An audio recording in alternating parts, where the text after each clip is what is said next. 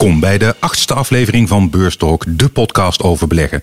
Wilt u als eerste de podcast kunnen beluisteren? Meld u dan aan op www.beurstalk.com. In de wekelijkse podcast bespreek ik, Rob Jansen, met mijn gasten de relevante ontwikkelingen op de financiële markten. Natuurlijk houden we daarbij onze blik op de toekomst gericht. En blijf luisteren, want aan het eind krijgt u een beleggingstip.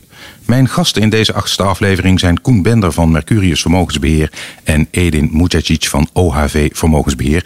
Welkom. Ja, als altijd kijken we eerst eventjes naar het sentiment op de beurzen. De januari was goed, maar de AX is deze week ja, ruim 2% gedaald op weekbasis. Toevallig of niet, de laatste weken lezen we met enige regelmaat over een aanstaande correctie of misschien zelfs wel een crash. Ben jij daar bang voor, Edin? Um, in de wereld van macro-economie um, is een um, econoom die de laatste tijd gelukkig steeds bekender aan het worden is, de heer Minsky. En die heeft lang geleden geschreven over iets wat de Minsky-moment heet. En dat is om het simpel weer te geven, het moment waarop uh, je jezelf de markt realiseert dat de stijging een beetje te ver doorgeschoten is. Hmm. En als ik kijk naar de koersen en de onderliggende economie, kan ik me niet aan de indruk onttrekken dat het verschil tussen die twee uh, ja, behoorlijk is en ongezond groot is. Ongezond groot. Vind jij dat ook, Koen? Um, Nee, laat ik het zo zeggen. Ik kijk uh, liever naar de aandelen die we in, de portefeuille hebben. En, en dat is heel breed. En gelukkig kun je daar keuzes in maken. Dat doen we dan ook. Over het algemeen denk ik dat een aantal bedrijven zeker wel te hoog gewaardeerd is. Er is heel veel liquiditeit in de markt. Ook veel gekte in de markt. Daar zullen we het zo meteen nog wel over hebben. Maar uh, uiteindelijk zijn de, de uitgangspunten die we nu hebben voor het economische herstel, die zijn ook veelbelovend. En uh, daar loopt de markt nu wat op vooruit. Natuurlijk zou dat kunnen leiden tot een overwaardering waar een correctietje op gaat plaatsvinden. Maar beleggen doe je niet voor die hele korte termijn. We beleggen voor de lange termijn. En daarin zien we nog steeds hele hoopvolle, innovatieve ontwikkelingen die ons aanleiding geven om gewoon de aandelen te houden die we hebben. Hm.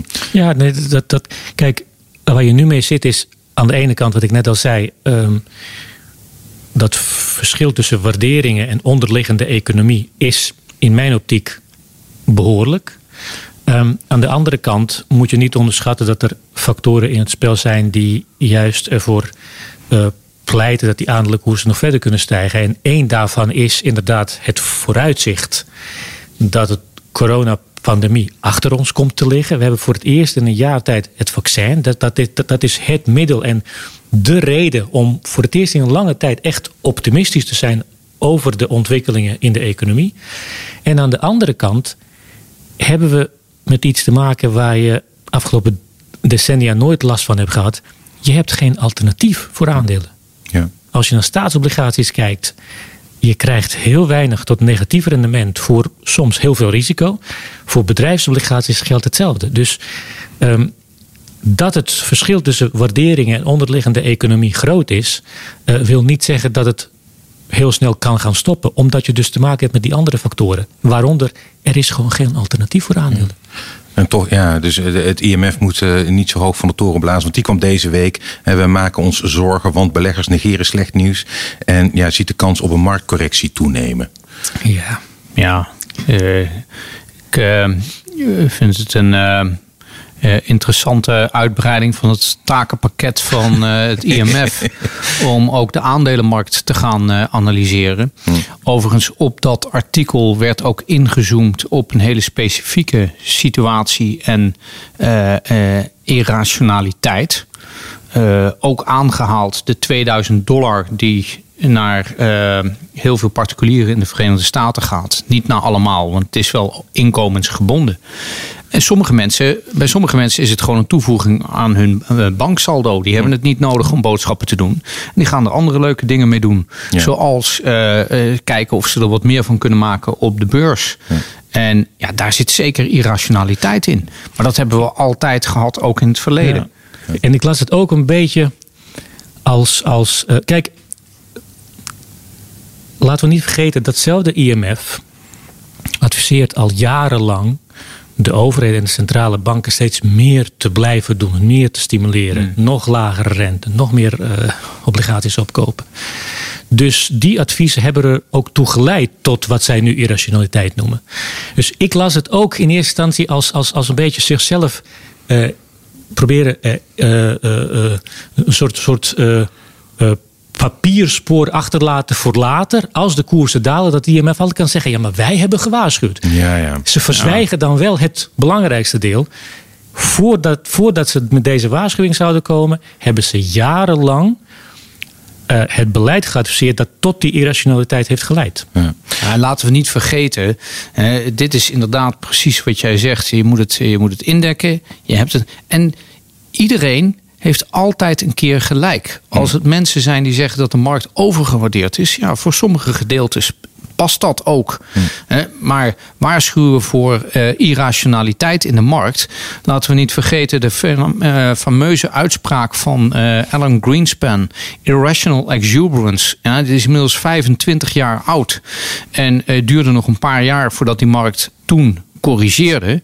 Maar laten we niet vergeten dat we allemaal dolgraag op de koersen van 25 jaar geleden nu een portefeuille zouden willen samenstellen. Want eh, ja, kijk eens hoe ver de markt daarna weer is doorgegaan. Maar het zijn niet dezelfde aandelen die toen een hele zware weging hadden in de index, die de index naar boven getrokken hebben. Dus daar komen we weer terug op. Zolang de bedrijven onderliggend maar innovatief genoeg zijn, zie ik dat risico niet. Op dit moment zit eh, Jerome Powell op de stoel van eh, Alan Greenspan. Hij is eh, president van de Fed, de Amerikaanse centrale bank. Had weer een rentebesluit afgelopen week. En bij die gelegenheid zei Powell dat het te vroeg is voor een exit-strategie. Met andere woorden, de steunmaatregelen van de Fed die blijven voorlopig van kracht. Edin, wanneer denk jij dat dat infuus wel dichtgedraaid gaat worden? Ehm, nou, dat zal ehm, het geval zijn als de ehm, Amerikaanse economie op eigen benen kan staan. Zonder die geweldige mate van steun van de overheid en van de centrale bank. In de wetenschap dat met name de steun van de Fed al, al, al, al ruim tien jaar aan de gang is. Ja. Geldt eh, in mijn ogen dan dat niet alleen die markt, maar eigenlijk bij nagenoeg alle sectoren van de economie als het ware verslaafd zijn geworden aan dat beleid van de Fed. Dus je hebt jezelf als het ware geschilderd in een hoek waar, eh, waarbij ik me zelfs afvraag of er überhaupt een exit-strategie mogelijk is zonder dat dat tot paniek op de markten gaat leiden. Hmm. Ja, dat is interessant. Denk jij dat ook, Koen? Ehm, ja, sterker nog, hè, we, we zijn net 25 jaar terug geweest. Laten we nu twee jaar teruggaan. Ehm Powell was net, had net de rol overgenomen van Janet Yellen, de huidige minister van Financiën. Eh, toen hij in oktober 2018 voorzichtig zinspeelde op een renteverhoging. En dat leidde tot een eh, eh, 10% daling van de markten in een kwartaal. Dus het risico zit in te snel, te vroeg de boel weer terugdraaien. Wat Janet Yellen ook ervaren heeft in 2011, 2012, toen zij voorzitter van de Fed was. En samen met Ben Bernanke de, de, de gevolgen van de grote financiële crisis probeerde op te ruimen. Ook toen was het te vroeg. In haar eh, eh, conformatie eh, me- interview met de Senaat een paar weken geleden heeft Yellen gezegd: het risico zit veel meer in dat we te weinig stimuleren dan dat we te veel stimuleren. Met andere woorden, zij houden hun voet nog op het gaspedaal, blijven eh, gas geven op die hoek. Tot het moment dat ze zeggen van ja, nu is het echt veilig. En dan moet je gaan balans lezen. Want een renteverhoging is helemaal niet erg voor bedrijven die veel cash op de balans hebben. En heel veel cash genereren. Maar dan wil je dus heel selectief zijn. Kijken wat wel en wat niet. De eerste reactie zal zijn, alles gaat naar beneden. Maar daarna gaan we kijken eh, wat wel en wat niet. En wij zijn eigenlijk alleen maar blij als dat gaat gebeuren. Ja, en een van de ehm, ehm, nuttige eh, opmerkingen die eh, de voorzitter van de Fed tijdens de laatste persconferentie maakte, was ook Ehm, hij gaf allerlei redenen waarom ze uh, niet heel snel het beleid om zullen gaan gooien. En een van de redenen was, we hebben geleerd van de vorige keer. En die vorige keer is de herfst van 2018. Hm. En als de baas van de Fed zegt, we hebben geleerd van de vorige keer, dan mag je dat gerust interpreteren als, dat gaan we dus niet meer doen. Ja. We gaan nu echt uitkijken om te voorkomen dat we dezelfde fout maken. In de wetenschap dat bij de renteverhogingen toen de officiële rente van de Fed tot 1,25% is, 1,25% eh, is gekomen. En dat bleek dus te, te veel te zijn voor de markten. Hm. Als, ik, als ik kijk naar de stand van schulden, bijvoorbeeld toen en nu, uh, dan betekent dat dat, dat uh, um, de uh, omvang van de renteverhogingen die de markt voorlopig kan hebben, is veel lager dan die toen is geweest. Dus ze kijken echt uit. Het verhaal uh, van deze week is, wat mij betreft, en voor heel veel mensen denk ik, uh, ja, dat was natuurlijk de hype die is ontstaan rond het aandeel GameStop. Een winkelketen van videospelletjes waar veel hedge funds short in zaten. Met andere woorden, die speculeerden op een koersdaling. Particuliere beleggers hebben het aandeel echter juist weer flink hoger gezet, waardoor die hedge funds miljarden dollars verloren. Kun jij even in een notendop uitleggen welk spel daar nou precies is gespeeld? Um, ja, ik denk dat dit een, uh, uh, zoals je de people versus de professionals uh, inderdaad was. En dat uitgespeeld via social media platformen. Ehm, daarbij kwam dat, ehm, dat aandeel gigantische koersstijging uh, liet zien. Ik geloof wel 1500 procent op enig moment. Dan moet je als professionele partij steeds bijstorten. Dus dit is eigenlijk een soortje van wie, hè, wie knippert er als eerste met, met zijn ogen. En uh, nou, vervolgens gisteren, geloof ik, uh, werd er gezegd: je kan geen nieuwe posities meer aangaan op een aantal, aantal handelsplatformen. Waarbij we overigens zien dat dit met name via uh, uh, de nieuwe uh, beleggers lijkt te worden uitgespeeld. Hè? Die dus zeggen van goh, wij kijken naar aandelen die heel erg trending zijn uh, op social media. We zien dat een heel belangrijk deel van de orderflow ook via nieuwe platformen zoals een Robinhood komen. En als dan zo'n platform zegt wat Robinhood gisteren deed. Je kan alleen nog maar je positie sluiten, dus alleen nog maar verkopen, maar nu geen nieuwe aandelen meer aankopen, ja, dan zie je dat zo'n aandeel op één dag ook met 50% weer in elkaar klapt.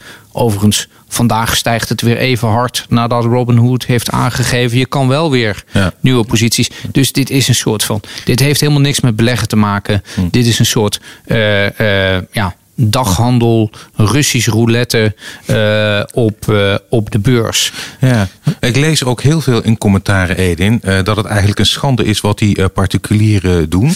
Um, vind jij dat ook? Nou, mijn zorg zit hem, als we het hierover hebben, vooral in het feit dat het, het gevoel dat dat al tien jaar of langer echt groeiende is, namelijk dat er een tweedeling is tussen de gewone man en de elite.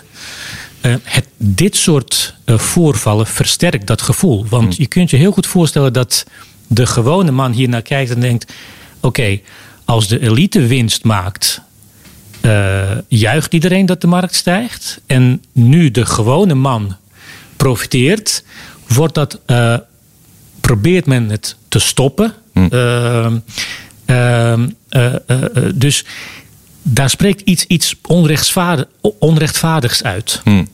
En kan dat erg zijn? Dat kan erg zijn, want op het moment dat dat gevoel blijft uh, leven en toeneemt, um, uh, nemen de mensen het straks mee het stemhokje in. Hmm.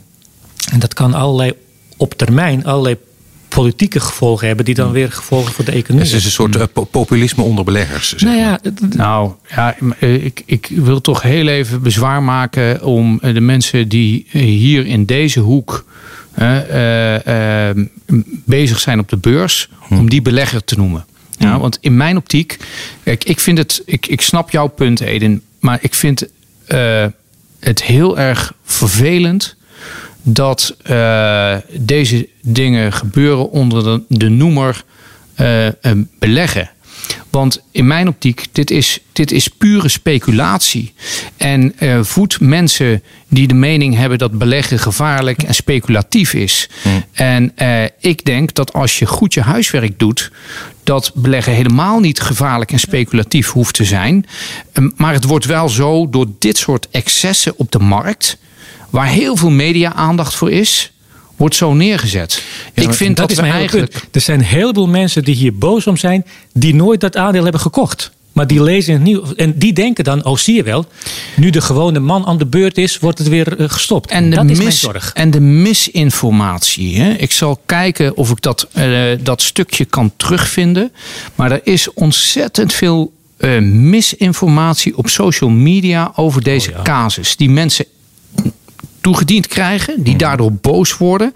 Maar het is gewoon fake nieuws. Hmm. ik zal kijken of ik dat stukje uh, voor je kan vinden, zodat je het op de website erbij kan zetten, zodat mensen daar even terug kunnen kijken en kunnen zien wat ik bedoel. Hmm. Maar, maar uh, mijn perceptie uh, van ja, kijk, als hedge funds speculeren op een daling, dan is dat oké. Okay. En als deze mensen daartegen ingaan, is dat niet goed. Dat is een te simplistisch nee, Kijk, zo'n hedge fund is een professionele partij. En die weten welke risico's ze lopen. En uh, daar heb ik geen enkele medelijden mee. Als ze zich verbranden aan, uh, uh, en, en het misgaat, ja, dan is er ook geen steun. Maar als het voor particuliere beleggers misgaat, dan zijn het de professionals die het gedaan hebben. En daar heb ik wel hmm. objection tegen. Ik vind het dat als je, if you can't stand the heat, get out of the kitchen. Ja, en dat is hier typisch een geval. En ik vind dat we dit, ja, weet je, maar dit, again, het, dit heeft niks met beleggen te maken. Nee, maar dit is, dit is dit is ook een van, van die gevolgen waar ik het net over had van tien jaar lang 0% rente. Mensen krijgen het idee, beleggen is risicoloos. Beleggen was nooit risicoloos. Beleggen zal ook nooit risicoloos zijn. Uh, en op het moment dat je, dat je begeeft op die markt, moet je dat toch wel weten. Jawel, Edin, maar ik vind ook dat de risico's die nu bij dit aandeel, deze casus gelopen worden, die zijn niet representatief voor een normale risico dat je hebt. En eh, daarom vind ik dit zo'n geïsoleerd verhaal. Ik vind tegelijkertijd, kijk, uh, Eden en, en, en mijn bedrijf, eh, OAV en Mercurius zijn gereguleerd. Wij mogen niet zomaar allerlei dingen doen. Maar op het internet mag je alles schrijven over aandelen. Je mag allerlei dingen doen. Terwijl dat ook een broodje, een broodje aap kan zijn. dat hoeft helemaal niet. En dat leidt tot dit soort excessen. En dat vind ik heel erg kwalijk. Ja, uh, wat je, een van de dingen, voor zover ik het heb begrepen, men kijkt die Reddit. Want Reddit is het sociale platform waarop eh, die mensen met name communiceren. Uh, die kijken naar uh, lijsten waarop je kunt zien hoe grote short posities zijn in bepaalde aandelen. En je ziet nu dat, en daar gaan ze dan tegen in, tegen die hedge funds speculeren. Je ziet nu ook, en dat lijkt me voor waar, bijvoorbeeld Unibar Rodamco is deze week 25% gestegen. Stond ook hoog op de lijst van aandelen die. Ja, maar als, Rob, ja. als wij dat voor onze klanten, als, als wij het geld van onze klanten zo zouden gaan investeren. Ja. dan ben je gewoon niet goed bezig. Je, je, je investeert in sectoren en aandelen waarvan je op basis van analyse denkt: hier zit geld in. Het is je ook gaat geen, niet het is investeren geen, omdat, omdat iemand anders uh, heel erg short is op een aandeel. Nee, het is ook zeker niet een, een aanmoediging van mijn kant. Maar het is ook nee. een beetje de vraag van hoe kun je als dit soort, hè, want dit, dit, blijft misschien nog wel een tijdje voortduren op andere, hè, in andere landen, andere markten, misschien dus ook al in de AX. Um, hoe je dan nog, hè, wat is dan wel een fundamentele waarde, is die dan nog te bepalen van een aandeel als daar zo enorm in gespeculeerd wordt? Dat wordt een lastige klus. Ja, nou, ik denk, nou, dat weet ik niet. Lastiger dan anders, denk ik. Nee, inderdaad. Ik denk, kijk, eh, wat, wat misschien. Uh, het zal misschien voor de shortsellers lastiger zijn. Alhoewel daar ook aandelen in zitten die, als je de tijd maar neemt. Ja, een, een, een, een aandeel waar dingen niet kloppen of waar de waardering niet klopt. zal uiteindelijk wel uh, uh, gesqueezed worden. Hm. En het zorgt voor minder bewegelijkheid misschien. Ja, dat zou kunnen. ja. ja. Ik wil naar het cijfernieuws van deze week. Er zijn ik ook. Me dat we genoeg hebben gehad over... Uh, nou ja, ik denk, dat, ik denk dat het voor de luisteraar toch wel uh, een interessant uh, thema is hoor. Die, wat daar gebeurt in Amerika. Zeker omdat we er nu ook wel wat tekenen hiervan zien. maar goed, inderdaad, het cijfernieuws. En uh, we moeten daar een selectie van maken, want we kunnen niet alles doornemen. Maar bijvoorbeeld Philips, um, die hebben cijfers gepubliceerd die ja, gematigd enthousiast zijn ontvangen, ondanks corona, of misschien wel dankzij corona. Was er een bescheiden omzetgroei, maar ja goed, voor dit jaar wordt ook maar een bescheiden omzetgroei verwacht. Koen, um, heb jij, wat, wat maak jij van de resultaten van Philips? Nou ja, uh, kijk, Philips heeft uh, wat, wat ruggenwind gehad door extra apparatuur die ze geleverd hebben uh, voor, de, voor de pandemie en de behandeling daarvan, hè, beademing, et cetera. Andere onderdelen bleven wat meer achter. Hè, dus het is echt een, de productmix, de een heft het ander op. Ze zien de groei die ze uh, in 2020 in bepaalde onderdelen hebben uh, gerealiseerd niet terugkomen in 2021. Dat is begrijpelijk. Tegelijkertijd, datgene wat Frans van Houten aan de financiële markten heeft voorgespiegeld, dit gaan we doen. Daar levert hij ook op. Dat is heel erg prettig, want dat is voorspelbaarheid. Daar houden we van. Uh, dat vervolgens zo'n aandeel daar niet gigantisch voor wordt beloond, ligt misschien ook wel in het feit dat we al de afgelopen periode een hele sterke run hebben gehad. Net zoals bij een aantal andere aandelen die deze week hebben gepubliceerd. Dat neemt niet weg dat ik over het algemeen de cijfers gewoon heel erg mooi en heel erg solide vind. En uh, geen aanleiding heb om te zeggen van goh, uh, er gaat nu uh, een, een behoorlijke correctie plaatsvinden. Nee. nee. Wat, wat voor mij heel belangrijk is hierin, is kijk, als er één sector is die afgelopen jaar geprofiteerd heeft, dan is het de zorgsector. Ja. alleen, um, het is wel de sector die, die, die waarvan je mag aannemen dat die de komende jaren echt blijft groeien. Corona of geen corona. Dat wisten we daarvoor ook al. Zorg is een sector waar, waar echt heel veel groei in zit voor de komende jaren. Dat is door, door zo'n pandemie misschien alleen maar meer geworden. Omdat we allemaal, je wilt wat minder afhankelijk zijn van andere landen. Nou, dat betekent meer dingen zelf maken. Komt Philips goed uit. Um, dat die cijfers dan misschien niet zo enthousiast ontvangen worden, zegt mij niet veel. Uh, Philips heeft zich gefocust en is nog steeds aan het focussen op een sector, een van de weinige sectoren waarvan je met grote mate van zekerheid nu kunt zeggen dat is de groeisector van morgen. Het komt wel goed met dat bedrijf. Het zit al goed met dat bedrijf, het komt nog beter. Nou, dat is uh, positief. Ik ben benieuwd uh, of, uh, Koen, als je kijkt naar KPN, of je daar net zo over denkt. Die opende ook de boeken over het vierde kwartaal en het hele jaar. Krimp in het aantal abonnees op het oude kopernetwerk. Groei in glasvezelkabels, glasvezelabonnees, moet ik zeggen. Um, tevreden over KPN? Ja, ik denk, denk het wel. Kijk, KPN gaat geen hele, hele snelle uh, uh, stappen naar voren kunnen zetten. Maar in hun markt ja, doen ze denk ik dat wat ze, wat ze zouden moeten doen nu. transformeren naar nieuwe vormen van levering. glasvezel daarin. KPN gaat niet een partij zijn die internationaal nog heel erg kan, kan expanderen. Dus ik denk niet dat daar ja, een beetje conform verwachting. Maar het gaat geen uh, ik denk niet een high flyer zijn uh, dat je kan verwachten dat die koers opeens gaat, uh, gaat, gaat exploderen. Maar wel een hele mooie, stabiele ontwikkeling. Ja. Een degelijk bedrijf dat ja. degelijke dingen doet. Tenzij, als we het hebben over de koers, er, ja, het komt al met enige regelmaat, komen die geruchten. Een overname. We hebben gezien dat deze week Carlos Slim, groot aandeelhouder, eigenaar van America Mobiel, grote mobiele aanbieder, heeft ook een belang, heeft ooit KPN willen overnemen. En nu zijn belang vergroot naar 20%. En je leest, ja, dat doet hij waarschijnlijk omdat hij verwacht dat er, of in ieder geval klaar wil zijn op het moment dat er een overnamebod op KPN gaat komen. Er zijn verschillende namen gevallen. Laatste keer weer EQT, een Zweeds investeringsfonds. Um, Onderdeel van, uh, van Investor AB ja. uh, in onze portefeuille aanwezig. Hoe groot acht je die kans, Koen, dat dat gebeurt? Nou ja, uh, het, het, is nog niet zo heel erg lang geleden dat meneer Slim de, de deur op zijn neus kreeg. En toen door de, de toenmalige raad van commissarissen de deur werd gewezen. Ook vanwege de beschermingsconstructies. Hmm. Volgens mij is daar niet zo heel erg veel in veranderd. Of ik moet iets gemist nee. hebben. Nee, dat klopt. Dus ja dat, dat, dat vind ik dus eigenlijk een heel, heel raar verhaal. Dus je denkt als de overheid, de Nederlandse overheid, het niet eens is met een overname, dan gebeurt het gewoon heel simpelweg niet. Dus, maar ik kan me wel voorstellen dat er veel belangstelling kan komen. Want KPN is een interessant bedrijf in een interessante markt. Ehm, en bovendien, als ik het even als macro-econoom naar macro-economie mag halen. Hm. Het aantal fusies en overnames, uh, uh, dat, dat, dat, dat stijgt echt behoorlijk. En dat heeft ook ermee te maken dat de rentes heel laag zijn. Dus hm. je, je jaagt dat, dat soort dingen ook wel aan met het beleid waar we het, waar we het eerder over hadden. Maar ik kan me inderdaad voorstellen, Koen, dat als Carlos Slim het niet over mocht nemen, dat het misschien ook voor EQT een lastige hobbel wordt als de Nederlandse overheid daar tegen zou zijn. Ja, zeker. En uh, kijk, die geruchten van EQT die zijn al een paar maanden oud. Ehm, we hebben er verder geen, uh, geen follow-up uh, op gezien.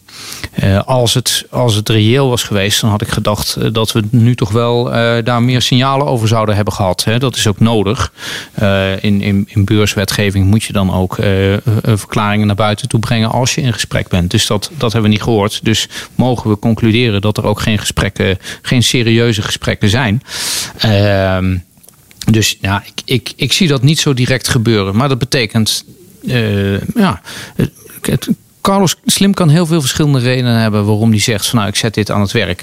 Het kan ook gewoon eh, zijn omdat hij denkt van nou er zit misschien ook autonoom nog wel een koersstijging in. Hmm. En ik, ik vind het prettig. Hè? Ik heb een goede indruk van de nieuwe CEO die daar nu een jaar zit. En uh, uh, laat ik dat belang maar wat ophogen. Als bij hem de, de cash tegen de plinten aan klotst, dan zal hij ook wel denken van goh ik moet, moet een negatief. Je moet ja, ook Carlos Slim moet een, moet een negatieve rente betalen. dit, is wat ik zeg. dit is wat ik zeg. Dit, dit is een van de gevolgen van dat beleid van 0% rente tien jaar lang. Ja. Ja. ik bedoel, eh, die denkt ook eh, van goh, eh, ik, ik stop het wel in dat Nederlandse bedrijfje. Ja. Tesla, en dan zijn we dus in het buitenland. Ook met cijfers gekomen in winst van meer dan 700 miljoen dollar op een omzet van 31,5 miljard. Maar dat geld, moet ik erbij zeggen, wordt vooral verdiend met de verkoop van emissierechten aan andere autofabrikanten.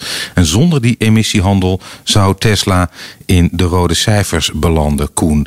Uh, nou ben je op zich wel uh, een redelijke pro-Tesla belegger, zeg ik dat goed? We hebben wel een positie, zowel bij ons uh, bij Mercurius Vermogensbeheer als bij ons label uh, Junior Beleggen in, uh, in, in Tesla. klein hoor, maar nou ja.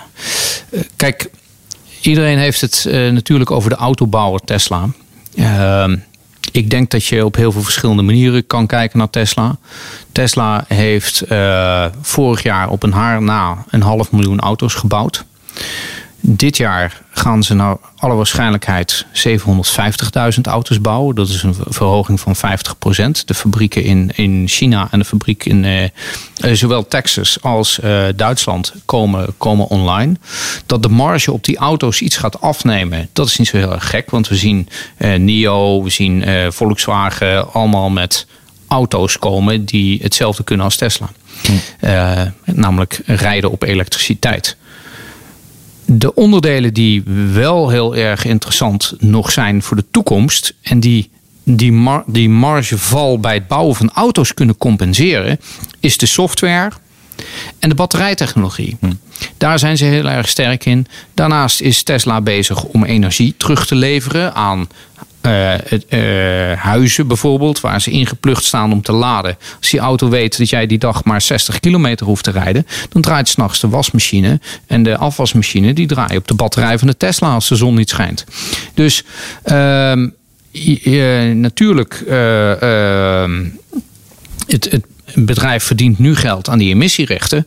Maar als straks de zelfrijdende technologie ook omarmd wordt door bijvoorbeeld Toyota of door Volkswagen, ja, dan kan je een heel ander scenario gaan krijgen. En dan uh, gaan ze gewoon abonnementen verkopen van twee tientjes in de maand per Toyota. Die rijdt op de zelfrijdende technologie van, uh, van Tesla. Dus ja, uh, zorg dat je er niet al te veel van in de portefeuille hebt. Maar zelfs indexbeleggers hebben nu een aandeel Tesla in de portefeuille.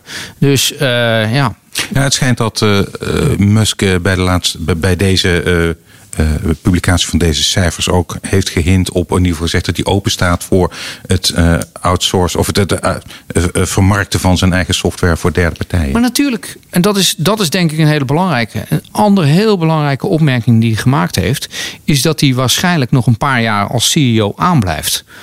en waarom vind ik dat belangrijk? Als je kijkt naar hele succesvolle bedrijven die eigenlijk uh, die innovatie in hun DNA hebben, dan zijn het bijna allemaal bedrijven die geleid worden door hun oprichter.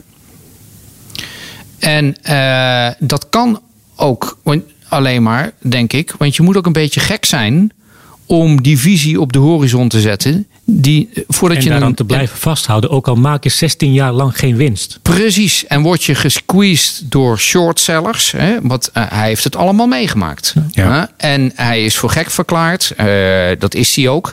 Maar alle mensen die dit soort bedrijven neerzetten en ontwikkelen, moeten een bepaalde mate van gekte in zich hebben. Zij, moeten, zij zien iets wat anderen niet zien. En worden voor gek verklaard totdat ze gelijk krijgen. Hm. En of, er, of je nou Jeff Bezos heet, of je nou Elon Musk heet, of je nou Bill Gates heet, of je Steve Jobs heet. Ze hebben allemaal datzelfde in hun uh, verhaal. Hetzelfde als, uh, als de founders van uh, Picnic. Ja, was je toch ook gek als je dat ging. Moet je kijken wat een succes het is. Hm. Ik bedoel, al dat soort bedrijven. Daarom, het gaat om innovatie. En dat heeft hij in zijn DNA. Ja. Ja. 100% mee eens. Ja.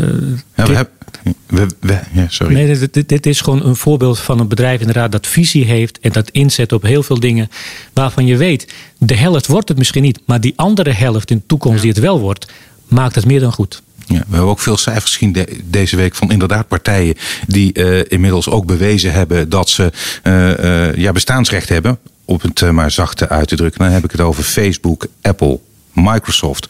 Allemaal gekomen met cijfers. Voor Apple en Facebook waren het de beste kwartalen in hun geschiedenis. Apple natuurlijk veel iPads en iPhones verkocht. Facebook zag de advertentieinkomsten tot recordhoogte stijgen. Koen, is daar nog iets op af te dingen? Nou, eh, als we naar Apple kijken, voor het eerst eh, omzet boven 100 miljard ja. in een kwartaal. Ja. Dat uh, is natuurlijk super indrukwekkend. Het hele verhaal is indrukwekkend. Maar wat vooral indrukwekkend was, is dat de grote groei niet zozeer bij die, bij die iPhone zat, als wel uh, bij services. Uh, als bij ook apparatuur die we nodig hebben om thuis te werken. Laptops, uh, desktops. dus je ziet een, een, een verschuiving van de, de mix. China was heel erg goed. Dat was altijd lang een zorgenkindje. Dat is nu, uh, ja, dat lijkt onder controle. Uh, dus is er wat af te dingen? Uh, ja, er is vast wel wat af te dingen. Maar ik denk dat we per saldo gewoon een hele sterke performance hier hebben van, uh, van het bedrijf. Wat ook al in de koers voor een belangrijk deel verdisconteerd was. Hè. Laten ja. we dat niet uh, vergeten. dus ja, en... En als je kijkt naar Facebook, eigenlijk hetzelfde verhaal? Ja, denk, denk het ook wel. Kijk, uh, natuurlijk zijn ook dat weer bedrijven waar heel veel uh, op af te dingen is. Hè, hoe ze met privacy omgaan. Maar de, de totale. Weet je, de gemene deler is dat het inderdaad allemaal bedrijven zijn waar. Uh, Oké, okay, Apple niet meer, hè, want Steve Jobs is er niet meer. Maar hmm. Tim Cook is, heeft een ontzettende moeilijke transformatie moeten doorgaan om in de schoenen van Jobs te gaan staan. Maar hij doet dat geweldig. Hm. En uh, heeft diezelfde guts om dingen te doen die uh, alleen eigenlijk een oprichter uh, zou kunnen. En dat zien we bij Zuckerberg. Uh, idem. Hm. of, je, of je nou eens bent met de manier waarop hij zijn bedrijf runt of niet. hij, hij zet het wel neer. Ja. Um, ja, Microsoft, uh, ja, dat wordt een beetje eentonig. Maar de clouddiensten daar, die... Uh, als die geen winst maken in zo'n jaar als vorig jaar, wie dan wel? Ja, ja, precies. Toch? Ja. Ja. Um, bedrijf wat zich nog wel uh, moet bewijzen. Want dit zijn dus, hè, waar we het net over hadden, bedrijven die het allemaal goed doen. We hebben in beursgang gezien, afgelopen week, op het Damrak, Inpost. Dat is een Pools bedrijf dat afhaalpunten, kluisjes exporteert. Waar kun je, daar kun je, je geleverde pakketjes afhalen is meteen bijna 10 miljard euro waard op de beurs.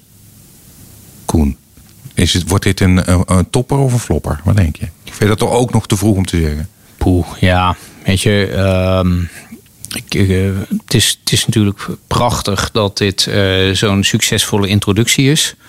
Uh, je moet je ook afvragen, het aantal introducties dat nu komt, dat zo succesvol is. Ja, dat, dat, dat geeft wel te denken. Er is natuurlijk heel veel behoefte van beleggers om uh, er maar vroeg bij te zijn. Laten we het even wat tijd geven uh, om, om te kijken hoe dit uh, neerdwarrelt. Ik, ja. Het lijkt mij nogal, nogal rijkelijk gewaardeerd. Laten we dat maar zo zeggen. Hm. en ja, verder heb ik met eigenlijk niet voldoende daarin. Uh, okay. Ik zou me in zo'n kluisje moeten opsluiten om alles even goed, uh, goed door te lezen.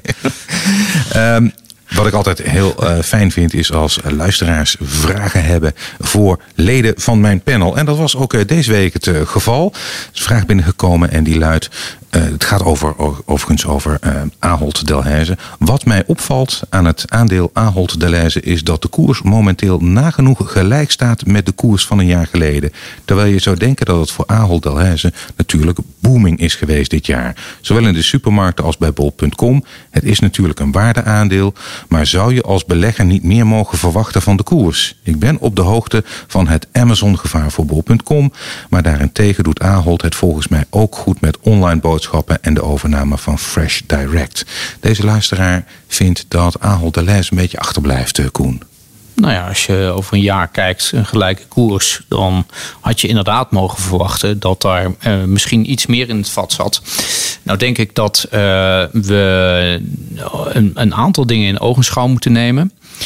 Door COVID zijn niet al, is het veel uitdagender geweest om de producten ook in de schappen te krijgen. Dat maakt het kostbaarder.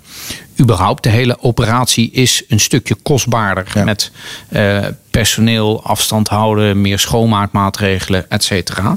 Dat is één. Uh, we zien dat uh,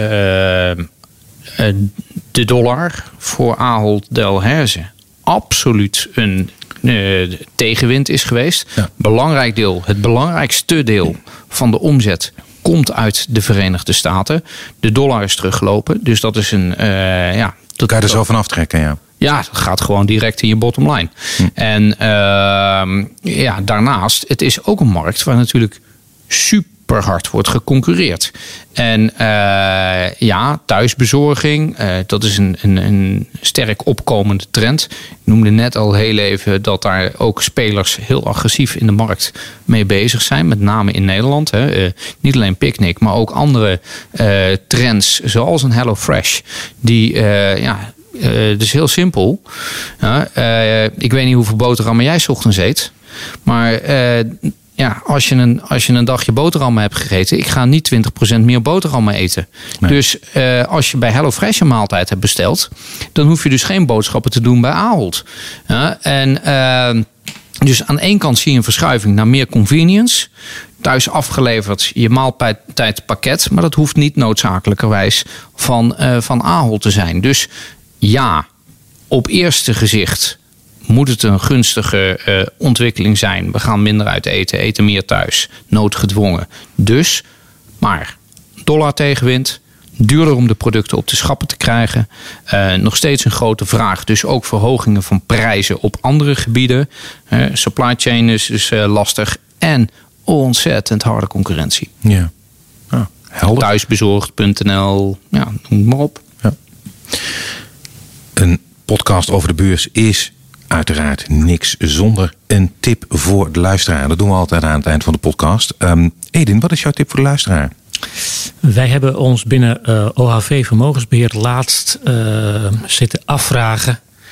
Um, is de kans dat de inflatie in de komende jaren um, harder stijgt dan wat de markt op rekent? Is die kans nihil of niet? En als het antwoord nihil was geweest, dan was de vervolgvraag: wat kun je dan daartegen doen? Niet relevant geweest. Nou, wij, hebben, uh, wij zijn tot de conclusie gekomen dat, uh, dat, dat je die kans echt niet op nihil kunt zetten. En uh, in het verlengde daarvan hebben wij in onze portefeuilles een ETF van UBS opgenomen. Die ehm, bestaat uit inflatiebeschermde Amerikaanse staatsobligaties met een volledige hedge voor de wisselkoersrisico die je loopt. Hm. En die is beschikbaar ook voor particuliere beleggers? beschikbaar ook voor, voor oh, Oké. Um, dan uh, neem ik nog contact met je op voor de ISIN-code daarvan. Want dan kan ik die ook mailen uh, ja. naar mijn gasten. Koen, wat is jouw tip voor de luisteraar? Mijn tip voor de luisteraar is een uh, bedrijf uit de Verenigde Staten. Die zich uh, bezighouden in de cloud met service uh, voor cloudgebruikers op softwaregebied. SaaS. Datadog. Tickersymbool is DDOG, DDOG in de Verenigde Staten. En wat uh, aan de Nasdaq genoteerd. Wat zij doen, uh, koers is ongeveer 100, uh, 100 dollar. Ehm, wat zij doen, bedrijven hebben heel veel verschillende software systemen lopen. Voor logistiek, voor je personeel, voor je boekhoudpakketten, noem het maar op. Zij leggen daar een schil overheen interpreteren al die data. Laten ook zien dat als bijvoorbeeld je webapplicaties in die in de cloud draaien, als daar hiccups in zitten en mensen jouw podcast niet meer goed kunnen, kunnen downloaden, dan krijg je meteen een alert. Hey, uh, Rob, je moet nog even checken, want het, het gaat niet goed. Nou, die data is natuurlijk ontzettend belangrijk om een hele soepele uh, uh, je bedrijfsprocessen te laten lopen, maar ook je cliëntervaring te laten hebben. Dus Datadoc is, is eigenlijk een partij met een one-stop shop. Ze krijgen ontzettend veel nieuwe klanten en ook grote klanten. Als je op de website van het bedrijf kijkt, dan zie je ook alle logo's staan van de bedrijven waarmee ze zaken doen. Onder andere bijvoorbeeld Peloton hè, met de, de, soft, eh, de fitnessapparatuur. Nou, als je zo'n fitness uh, uh, experience hebt. En wij zitten allemaal in onze eigen uh, studeerkamer op uh, die fiets te fietsen tegen elkaar. Ja, dan wil je natuurlijk dat die data ook real-time gestreamd wordt. Daar zorgt onder andere Datadog voor. Dus het is een one-stop shop voor management. Om ervoor te zorgen dat al je processen goed lopen. Het interessante is dat hun omzet per bestaande gebruiker ook steeds verder stijgt. Hè, nieuwe applicaties die ze uitrollen.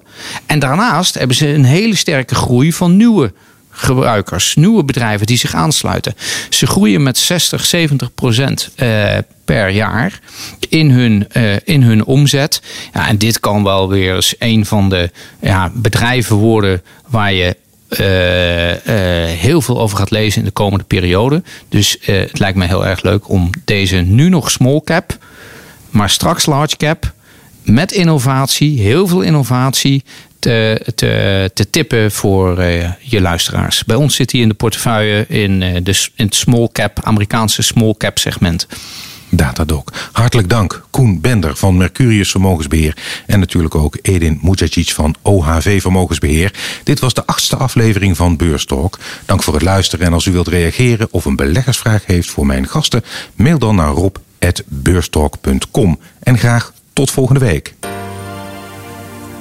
Deze podcast verwoordt de inzichten van mijn gasten, niet die van presentator Rob Jansen. Het is geen beleggingsadvies. Verdiep u in de risico's van beleggen voordat u eraan begint. De waarde van uw beleggingen kan fluctueren. In het verleden behaalde resultaten bieden geen garantie voor de toekomst.